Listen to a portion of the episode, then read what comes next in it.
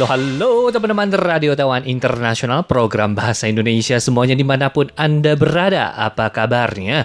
Kembali lagi ya bersama saya Aditya di acara kita setiap hari Senin yaitu Kampus Nah di acara Kampus pekan kemarin saya telah mengundang pelajar magang kita yang bernama Ane Ternyata bukan Ana Dan pada hari ini saya mengundang salah satunya pelajar magangnya lagi nih yang bakalan datang di RTSI sekarang. Halo, siapa namanya?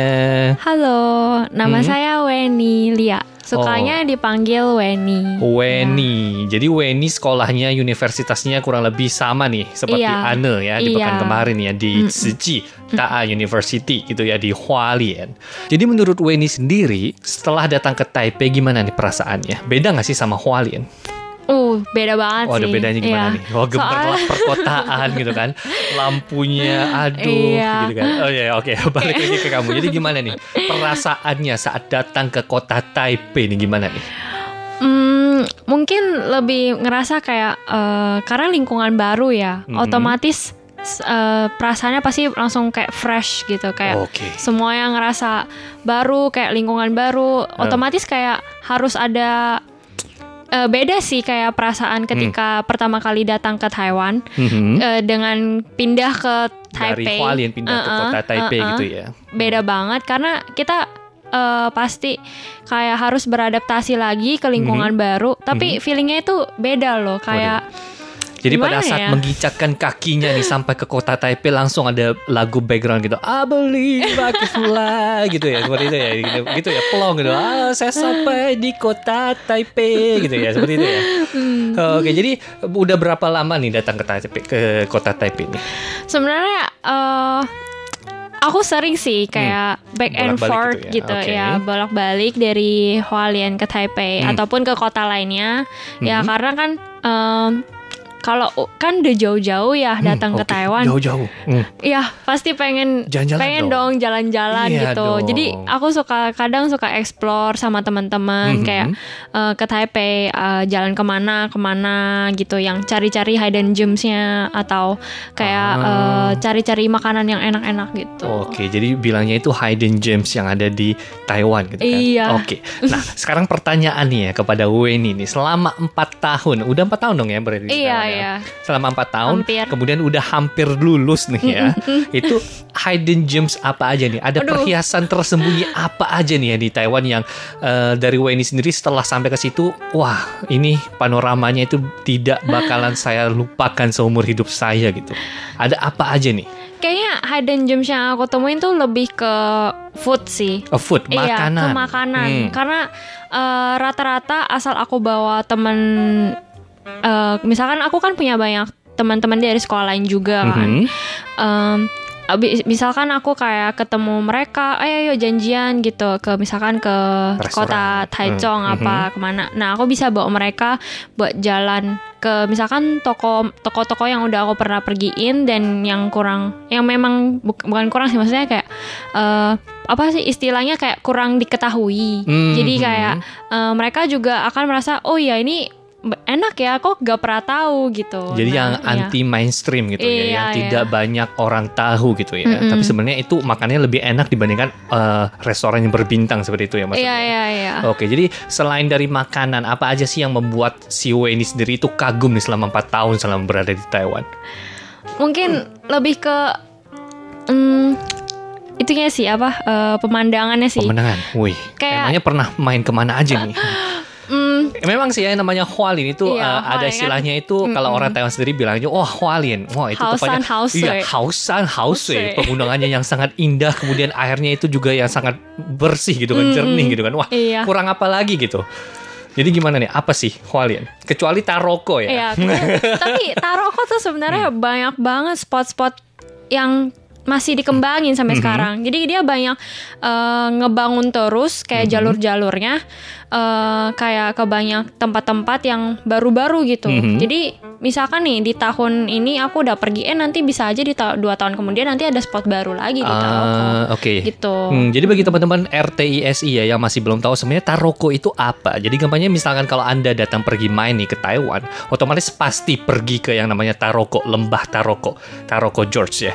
Jadi di situ ada wah ya, banyak ada tempat spot wisata untuk menikmati eh, alam gitu ya yang ada di situ ya. Khususnya maksudnya tadi si Weni sendiri bilang ada banyak spot untuk perjalanan yang tidak diketahui atau mungkin ada yang baru. Memang sih, bahkan ada sampai perjalanan yang kita harus gimana ya? Kita harus daftar dulu atau register dulu baru bisa masuk ke situ.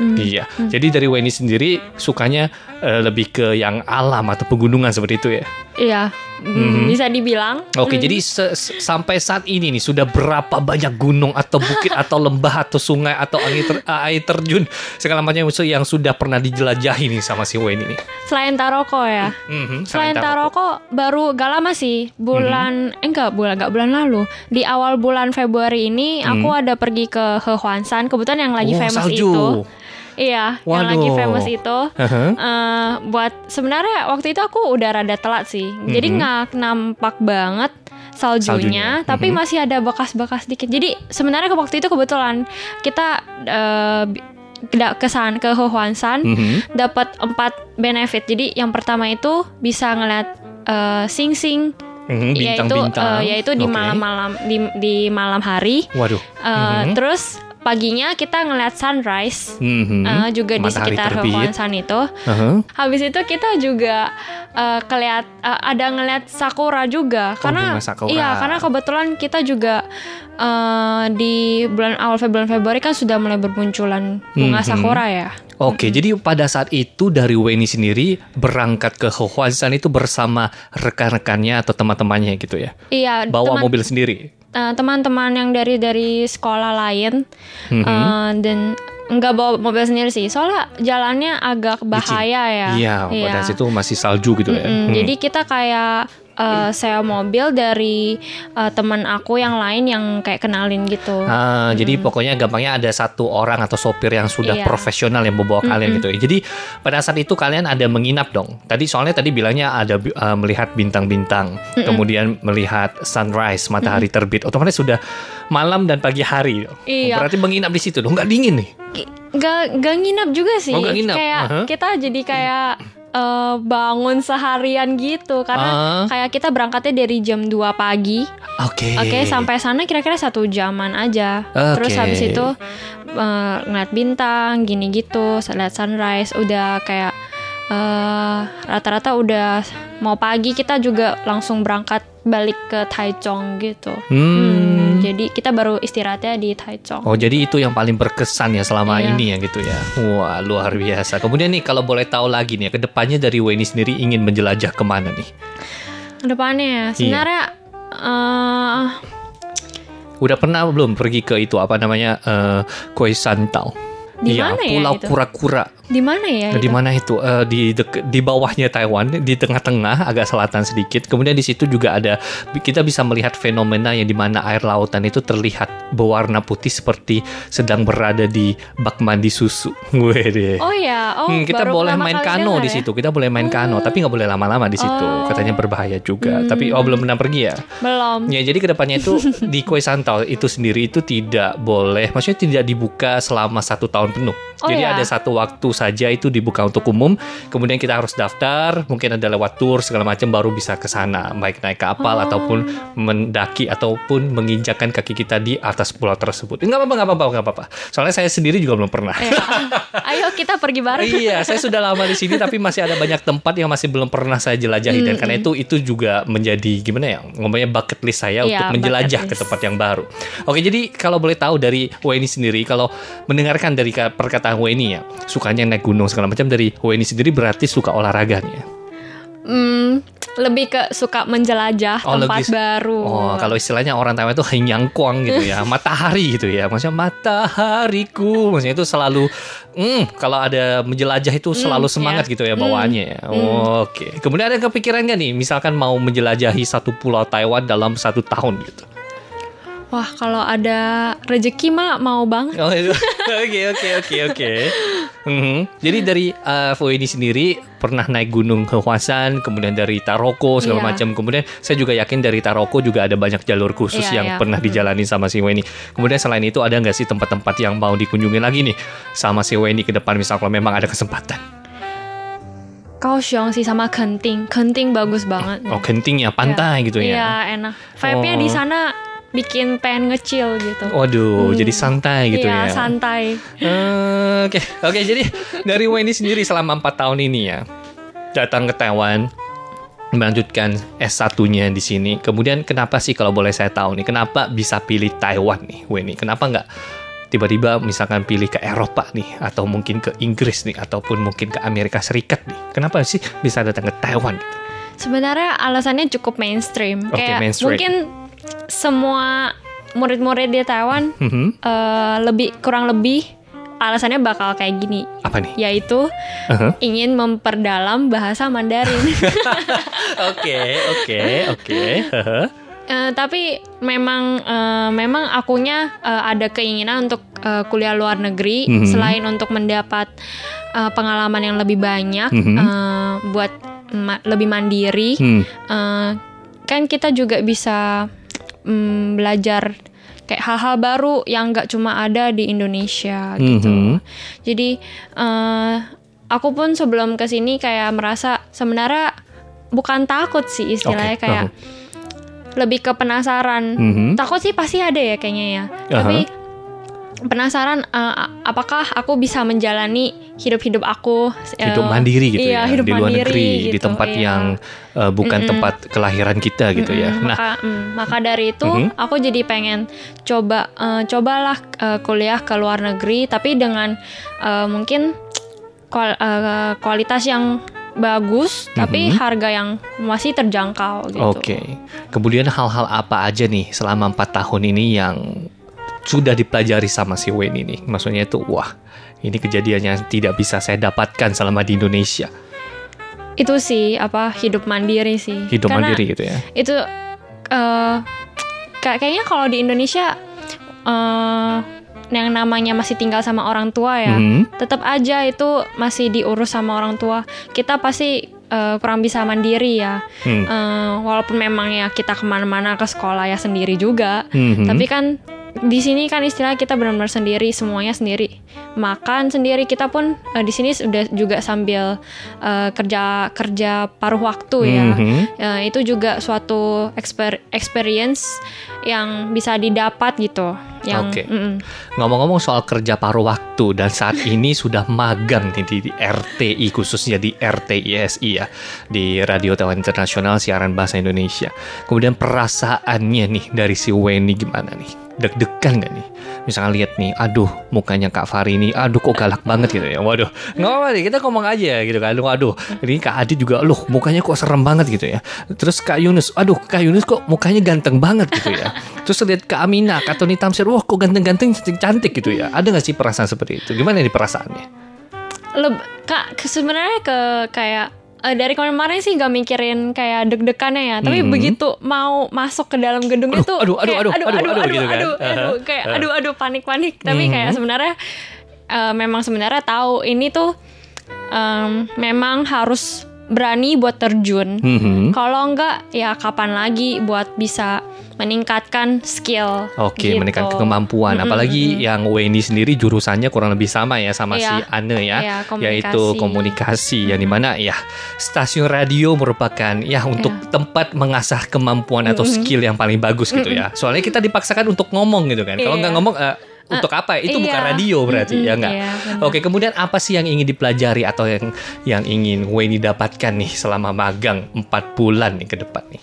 Mungkin pertama Hmm. eh, tentu saja melatih Mandarin ya. Oke, Mandarin. Mandarin. Mandarin. Hmm. Selain itu juga hmm, eh, pengen tahu sih kayak eh, gimana cara kerja radio, Mhm. kayak terus cara kerja stasiun radio dalam mengelola eh, berita dan hmm, acara-acara segala macam seperti itu membuat ya. membuat acara. Mhm. Mm-mm.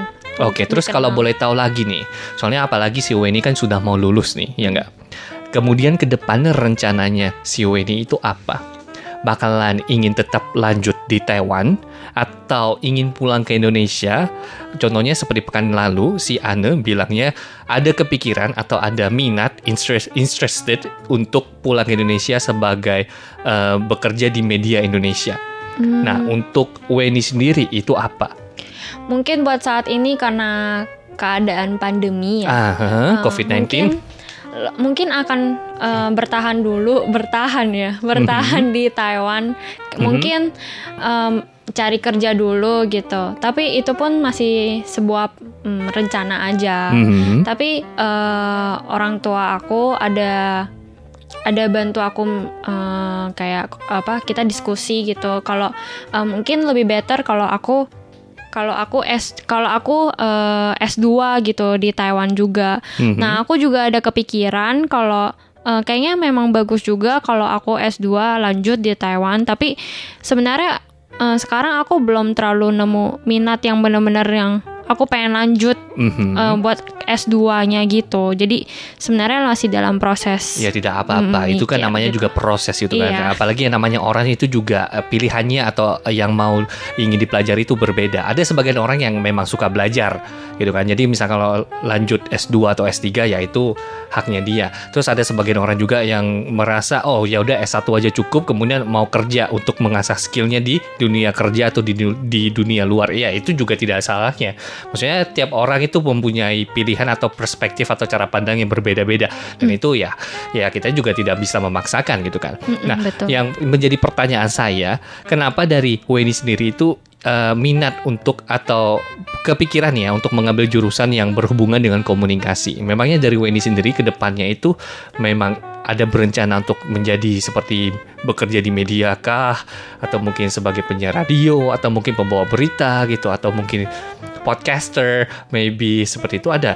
Sebenarnya eh, aku sendiri eh, dari pas SMA sebenarnya aku belum terlalu eh, tahu ya Mhm. eh, minat aku sebenarnya itu apa. Mhm. Tapi aku lumayan ada interest di hmm, kayak bikin video gitu. Oke. Dan kalau buat makin ke sini kadang minat itu bisa datang bisa hilang tiba-tiba. Hmm. Nah itu menurut aku normal aja. Bisa aja karena kita ngerasa jenuh sama sehari-hari gitu misalkan. Hmm. Eh, buat kan karena kan kita jurusan komunikasi pasti ada belajar tentang eh, mau itu radio, mau Mhm. tentang pertelevisian atau acara atau maybe atau mungkin eh, acara untuk di TV segala Mhm. macamnya itu. Mhm. Nah, eh, kalau buat sekarang aku lebih suka buat kayak Video. itu sih video dan podcasting gitu. Oke, ya udah deh. Semoga aja ya apa yang ingin Weni dapatkan selama magang di sini itu, itu bisa didapatkan juga ya selama empat bulan ini magang Iya. di RTISI. Oke deh, teman-teman, dikarenakan masalah waktu ya, maka perbincangan saya dengan eh, pelajar magang kita yang kedua, yang imut-imut, yang cantik-cantik ini si Weni ya. Kita akhiri dulu sampai di sini. Saya Aditya. Saya Weni. Oke, pamit dulu. Bye bye. Bye bye.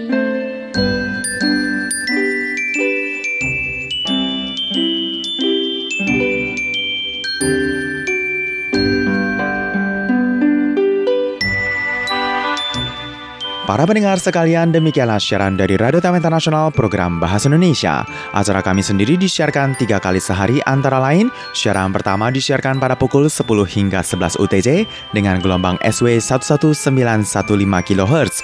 Untuk siaran kedua disiarkan pada pukul 12 hingga 13 UTC dengan gelombang SW 11915 kHz. Dan siaran ketiga disiarkan pada pukul 14 hingga 15 UTC dengan gelombang SW 9735 kHz. Untuk acara hasil kerjasama dengan Kementerian Ketenagakerjaan Taiwan disiarkan setiap hari Kamis pukul 20 hingga 21 waktu Taiwan dengan gelombang MW 1422 dan siaran ulangnya disiarkan pada hari Jumat pukul 8 hingga 9 waktu Taiwan dengan gelombang MW 1422. Guna memudahkan pemantauan siaran dari RTI, silahkan mengunduh aplikasi Radio Taiwan Internasional di dalam gawai dan juga gadget Anda.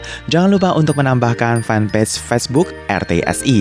Untuk kritik dan saran, silahkan kirimkan email Anda ke rtsi@rti.org.tw.